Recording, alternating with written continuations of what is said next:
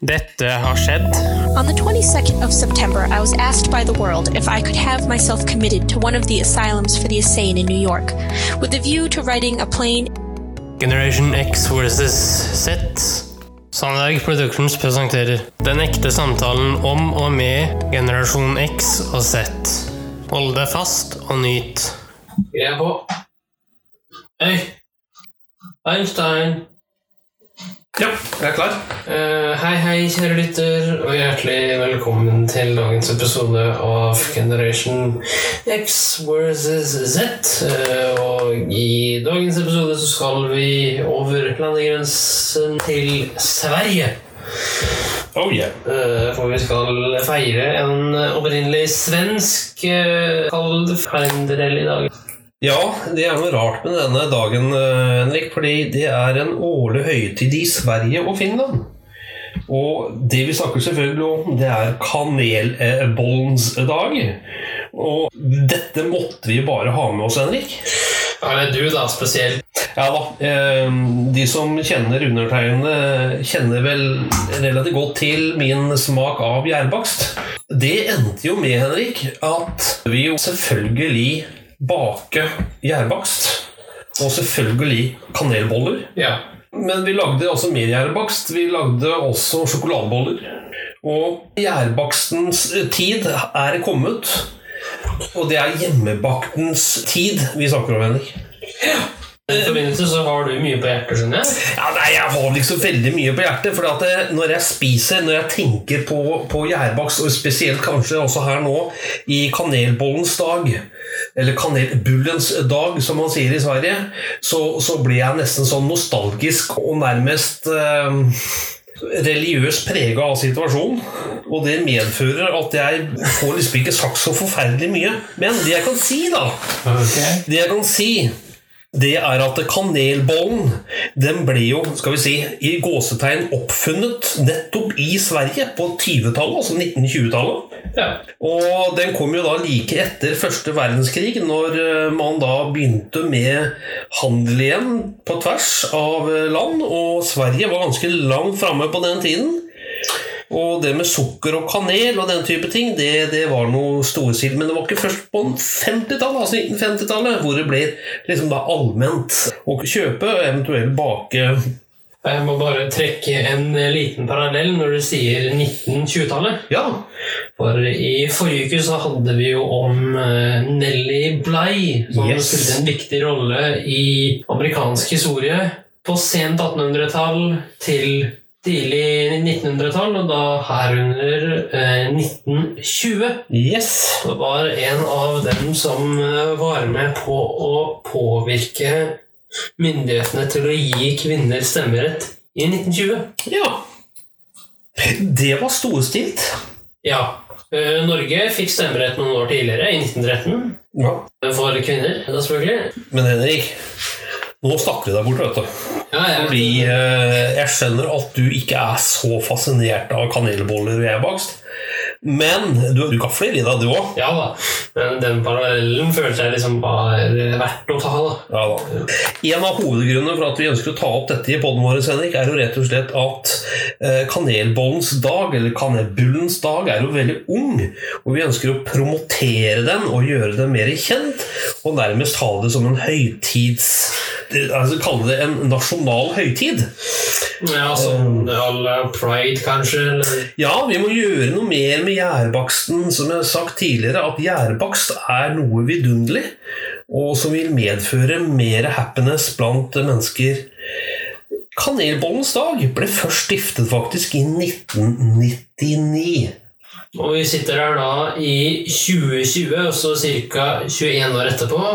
Men hva er ditt forhold til eh, gjærbakst, eller her spesielt kanelbolle? Nei, altså Kanelboller det er jo veldig godt, men jeg liker ikke når kanelboller er kalde nederst. Hæ?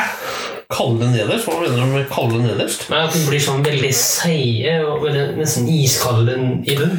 Åh, men men- mens vi snakker om det, skal vi Jeg har masse kanelboller, Henrik. Eh, Jeg vet ikke om du vil ha nå eller senere i dag. Det får du bestemme sjøl. Nei, altså, om du vil ha i hele tatt. Nei, så du kan jo ta litt nå. Skal jeg hente? Ja, gjør det. Ja. Det som eh, skjer nå, kjære det er at eh, min kjære kompan gikk ut av dette rommet her, inn på kjøkkenet. Overgangen henter litt kanelboller. Jeg sier i posen Henrik, at den eh, ble ganske godt fortært i går. Men ja. her har du iallfall en helen til deg. Men eh, det målet nå er vel å gi lytteren nærmest et eh, lydorgasme, er det ikke det? Jo. Uh, en bit Ja.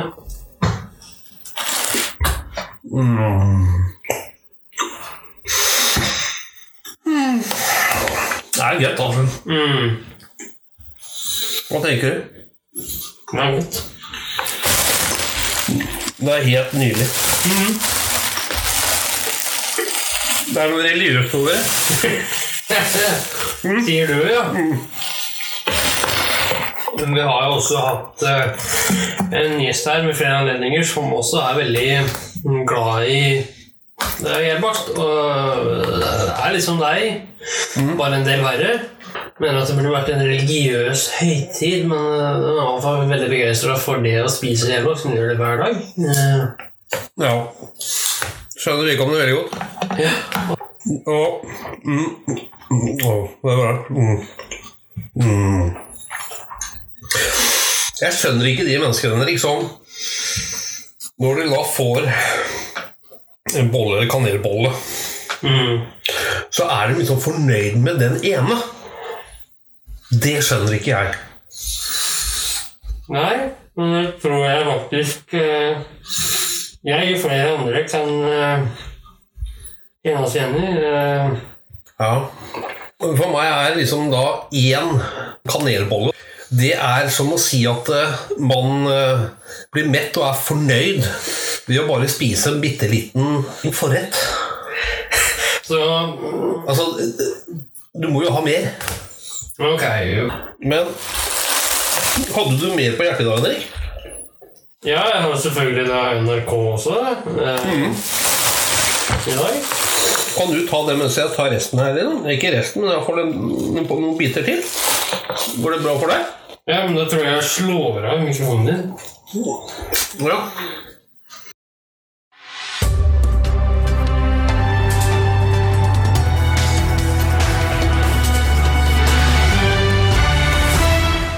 NRK-hjørnet.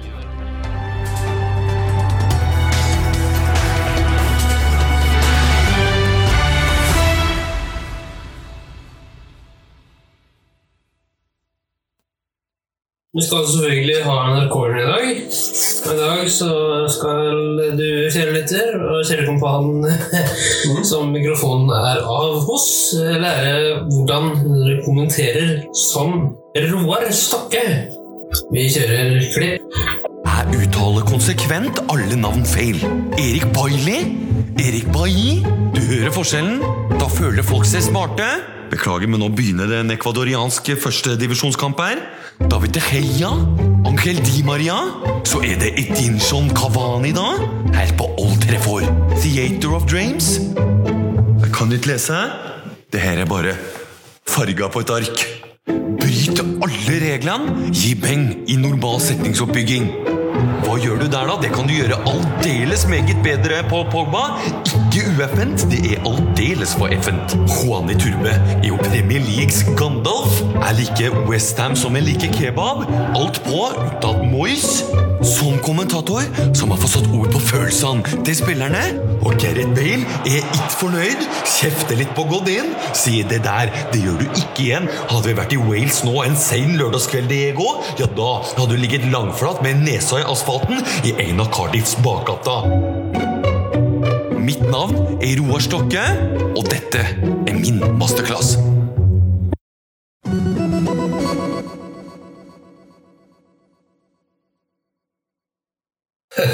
Roar Stokke, Henrik. Ja, eh, nå er din mikrofon på igjen, så nå eh, Nå er jeg på. ja. Ja, det er godt. Nei, Det er artig skrue Roar Stokke. Han drar ut øh, og er ekstremt entusiastisk og er med, for å si det på en, en litt pen måte. ja, han lar seg jo da forbause av egentlig den minste ting. Ja. Men det er jo veldig artig å høre på. Veldig underholdende, og man blir liksom bare happy av å, å høre på.